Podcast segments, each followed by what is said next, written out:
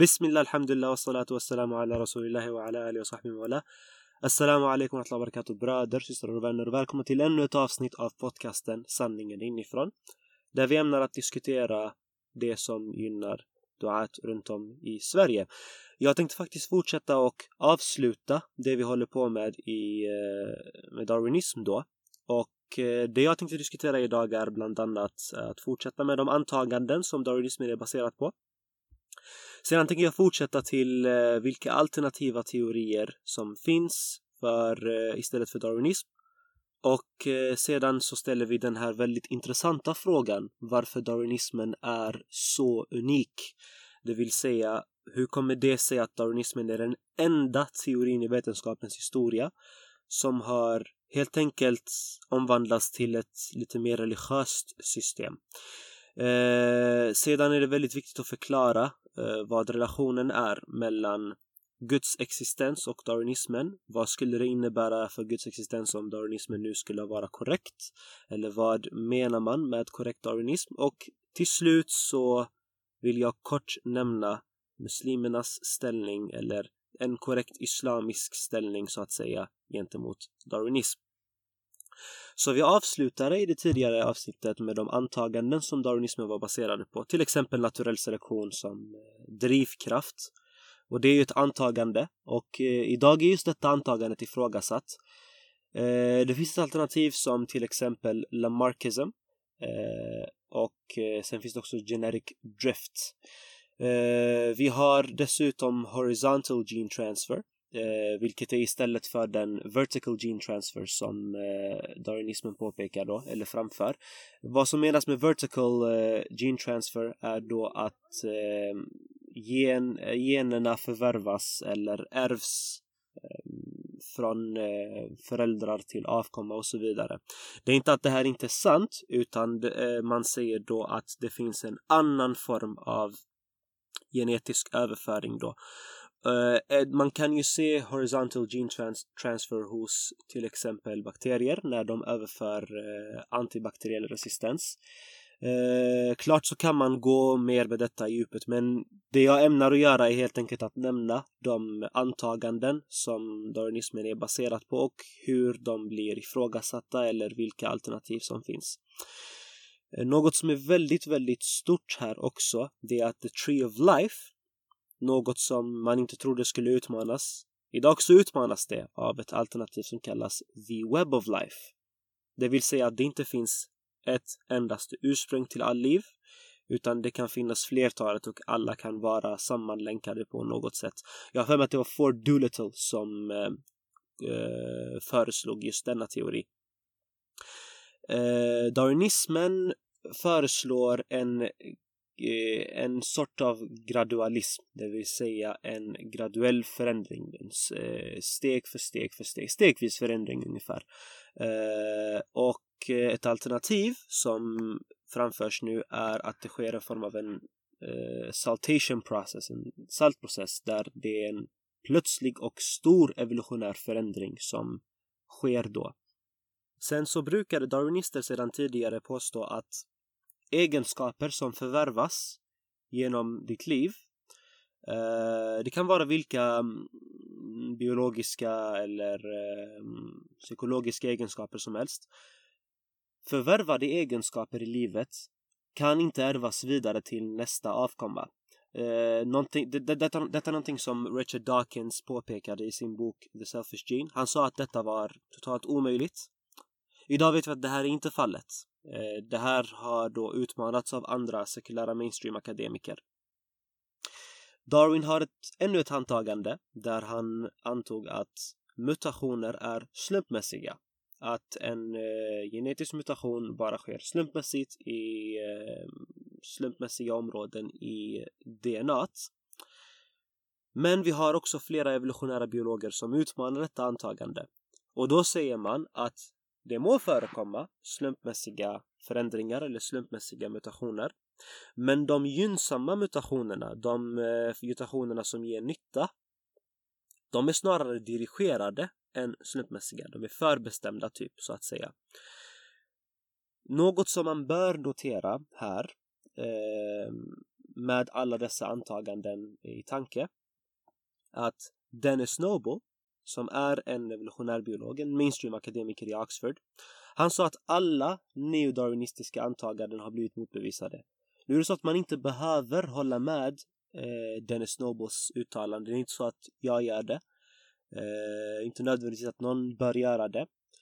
Poängen här är att det visar att det finns flertalet antaganden som darwinismen är baserat på. Och därmed så minskar trovärdigheten väldigt drastiskt. Nu det jag tänkte diskutera lite mer är de alternativ som finns till darwinismen. Det finns åtminstone fem alternativa teorier som är fullt utvecklade. Eh, de är väldigt välkända och väletablerade också. Eh, de, de, de, saken är att de inte förekommer allt så ofta i offentligheten för att som man nu märker så försöker man på ett, ganska, på ett indirekt sätt Eh, indoktrinera barn redan i skolgången att darwinism är synonymt med evolution, vilket är helt fel egentligen. Jag kommer inte nämna detaljer och gå igenom så djupt när det kommer till dessa teorier. Man kan läsa på dem själv i egen tid. Jag vill bara nämna vilka teorier som finns och eh, nämna lite info höger och vänster. James Shapiro från eh, University of Chicago, en välkänd mainstream evolutionär biolog. Han har en teori vid namn Natural Genetic Engineering. Eh, det där är ett alternativ då till darwinism med en helt annan mekanism. Vi har Neo-Lamarckian evolution vilket är helt enkelt är ehm, det är en uppdaterad version av Lamarcks ursprungliga teori som då kom innan Darwins teori vilket var ungefär lite mer än 200 år sedan. Eh, sen har vi en, eh, en annan teori vid namn mutationsdriven evolution. Den, kan, den kallas också för Mendel, Mendelian mutationism om vi nu uttalar det här helt rätt. Um, vidare kan man också säga att Stuart Kaufman, som är en amerikansk biolog, han föreslog någonting som, som kallas självorganiserad evolution eller self-organized evolution. Lynn Margulius eller den före detta Lynn Sagan, föreslår ännu en teori vid namn symbiotic evolution. Där innebär det bland annat att eh, det är ärftlighet av eh, förvärvade genom och så vidare. Man kan läsa det här återigen i djupet och det är inget som jag kommer gå igenom här. Det finns nu som sagt flertalet böcker man kan läsa, man kan, eh, man kan läsa flertalet publikationer om varenda teori och flera andra teorier som kanske inte är lika välkända. Men Eh, det jag tänkte också gå igenom här är någonting som kallas för Third Way of Evolution, eller The Third Way of Evolution. Det är helt enkelt en församling av evolutionärbiologer, eh, mainstream akademiker och det är från typ universitet från hela världen, bland annat Ivy League universitet, du har dem från Cambridge, Oxford, eh, du har dem från Columbia University, flertalet runt om i eh, världen som sagt. Det här är inte kreationister. Det här är inte eh, gudstroende. De är totalt emot eh, intelligent design, som man nu säger det. Eh, men samtidigt tycker de att darwinismen är helt oacceptabel. Den stämmer inte så bra. Och därför säger man då att det borde finnas ett tredje alternativ och därmed namnet The Third Way of Evolution. Man kan läsa vad deras antaganden eller teorier innebär. Man behöver inte hålla med det som påstås, inte så att jag gör det. Men jag poängterar bara att det finns en diskussion som pågår kring darwinismens trovärdighet. Och att den inte är så säker som man får det att framstå i till exempel dokumentärer eller i eh, media eller dessutom i skolorna. Så nu förutom att ha diskuterat alternativ till darwinism och eh, antagandet vill jag väldigt, väldigt kort nämna relationen mellan darwinism och Guds existens. Så rent axiomatiskt, eller rent självklart, om Gud inte existerar och det är naturalism som råder, alltså att man förklarar allting genom naturella processer, då innebär det per automatik att något som darwinism eller någon förbättrad version av darwinism. Det måste stämma.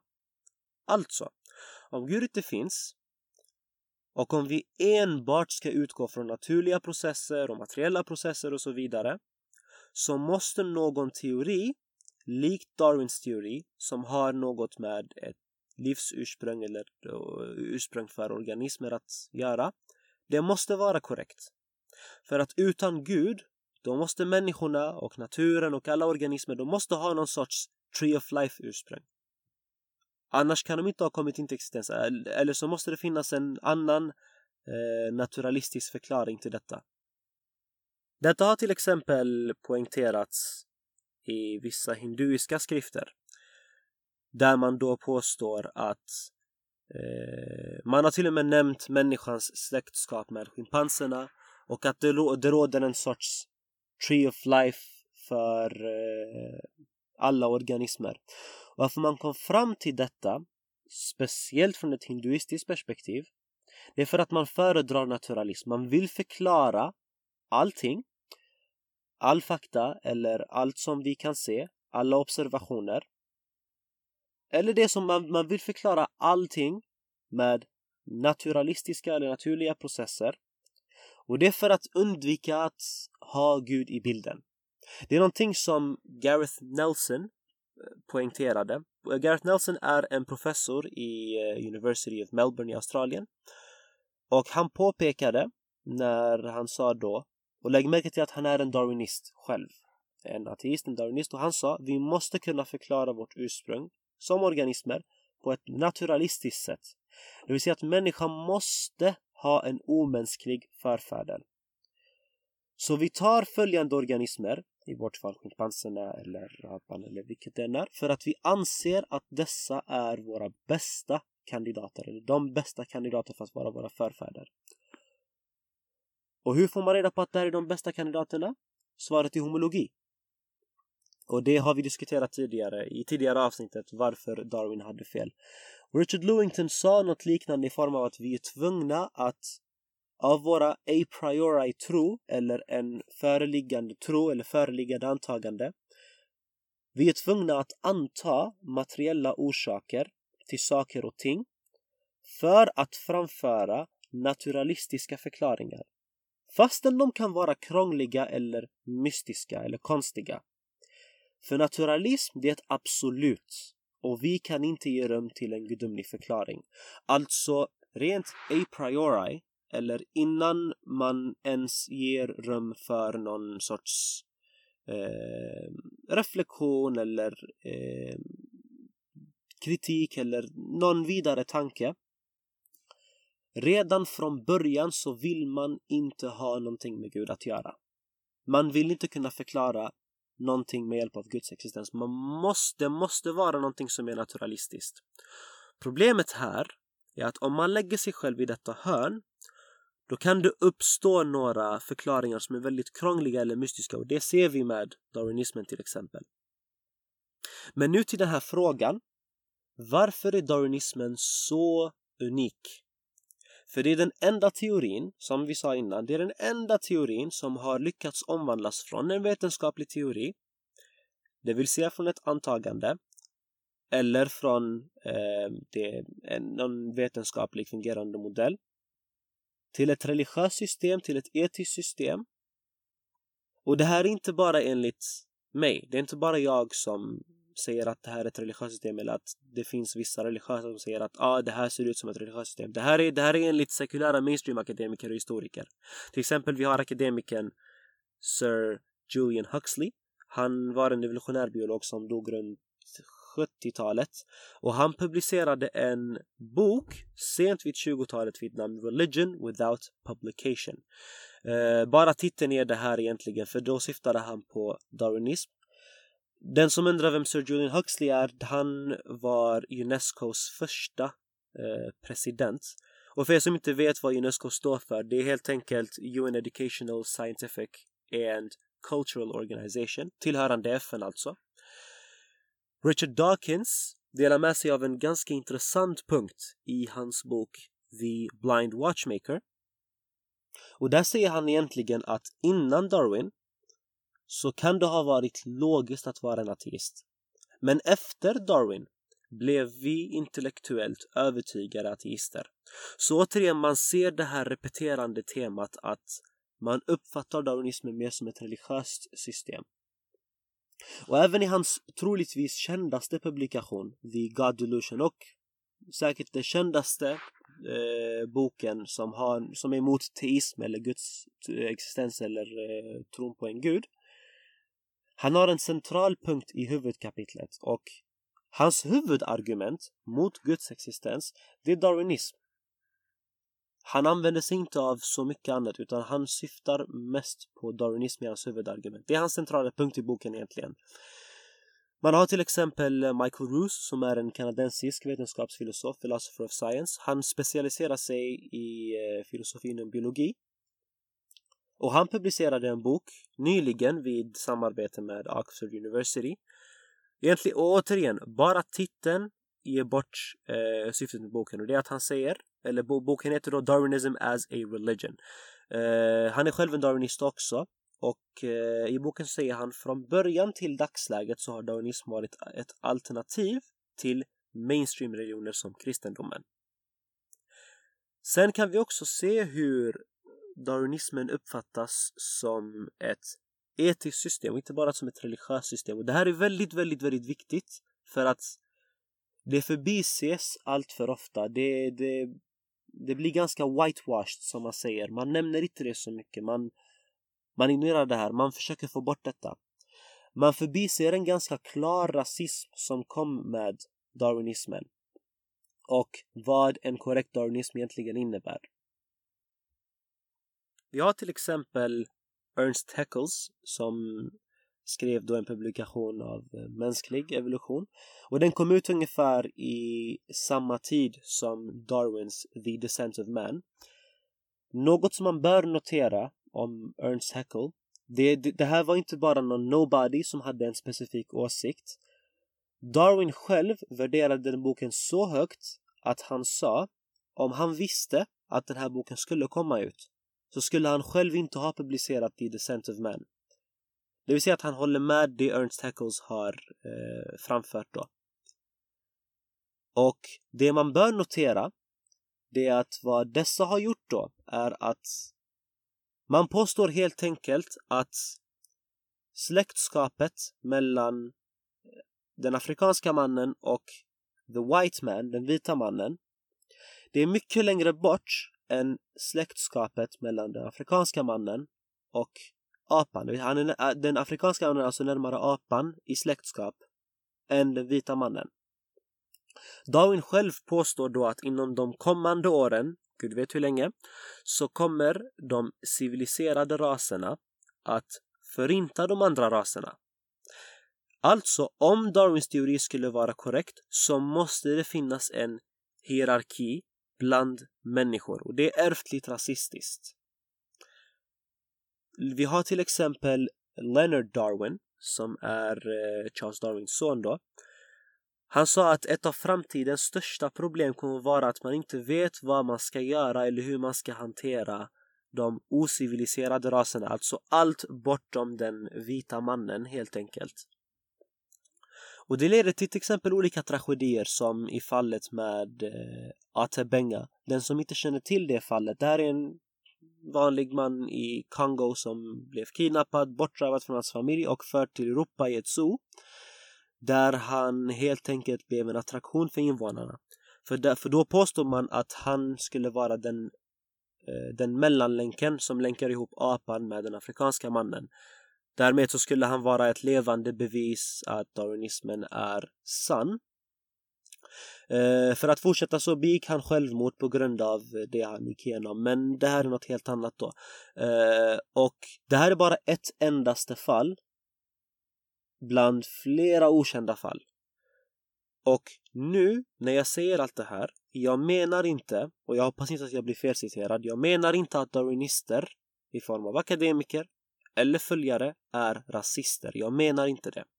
Utan jag framför bara ett problem som uppstår om man nu påstår att darwinismen är absolut sann. Eller om man anammar darwinism. Eller om man helt, alltså helt enkelt följer det här och säger att det här är en 100% korrekt mekanism. Det enda jag gör är att jag poängterar problemen och framför dem. Sen så har darwinismen också blivit ett politiskt system. Man kan till exempel läsa om the Darwinian left, eh, den darwinistiska vänstern då. Man kan läsa om den politiska genen också. Eh, återigen, det enda jag gör nu är att jag inte går så mycket i djupet utan jag vill bara nämna så att den som är intresserad kan söka på det. Men eh, dessutom poängtera att eh, darwinismen är så pass unik med detta att den har inte, det är inte bara en vetenskaplig teori utan den, den morfar ungefär till någon, till ett helt system så att säga. Eh, något som man bör notera också det är att Josef Stalin själv erkände att hans ateistiska tro, hans ateistiska tro, den förstärktes efter att han hade läst The Origin of Species. Eh, Darwins publikation alltså. Och de flesta här känner säkert till den massakern som han låg bakom. För att han rättfärdigade den massakern genom att han säger att han implementerade naturell selektion på människor. Darwin själv rättfärdigade flera andra massaker, till exempel den massakern på urinvånarna i Australien, the aborigines, eller the native americans, indianerna i Nordamerika. För att dessa är då the savage races som han nu skriver om dem i hans publikationer. The Descent of Man till exempel. Eh, eller de vilda raserna som han nu kallar dem. Och han säger att de bör förintas från jordens yta så att de civiliserade raserna kan stanna kvar så att mänskligheten kan evolveras och utvecklas till det som är bättre. Och det sista jag vill nu gå igenom är vad vi muslimer bör ta till ställning när det kommer till darwinism alltså. Och det för att man brukar oftast lägga mm, gudstroende som förnekar evolutionsteorin i en sorts fälla så att säga. Eh, man ser då att ja, den som inte, den som är emot darwinism är helt enkelt emot eh, eh, eller, eller så att säga att den som är emot darwinism är ehm, är en kreationist eller man föredrar, man är anti-vetenskap eller man är totalt emot vetenskap. Nej, så behöver det inte vara. Som vi visade så finns det flertalet, massvis sekulära ateister, darwinister till och med som ifrågasätter darwinism, mainstream-akademiker som är totalt emot Arnis och säger att det här är absolut bogus, det här, det, det här kan inte stämma. Um, och det jag säger då är att vi muslimer, så som varenda vetenskaplig teori, vi accepterar darwinism som en, som en vetenskaplig modell som har vissa fungerande delar som kan bli bättre och samtidigt som vi erkänner att den är full med antaganden. Den är full med eh, punkter som har flera tvivelaktigheter. Det råder oenighet bland eh, mainstream-akademiker och vetenskapsmän och biologer och så vidare. Och att det finns starka alternativa teorier till darwinism.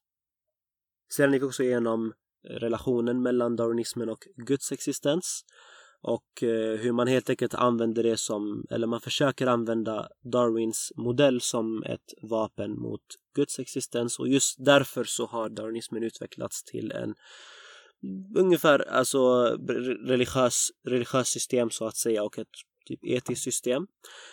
Vi nuddade väldigt kort på det politiska som eh, darwinismen hämtade med sig samt det, de etiska problemen som finns med det. Och till sist så gick vi igenom muslimernas ställning när det kommer till darwinism. Så det var bara det jag har att dela med mig. Vi ses i nästa avsnitt inshallah. Jazakumullahu khair. Jag tackar för er tid. Wassalamu alaikum wa rahmatullahi wa barakatuh.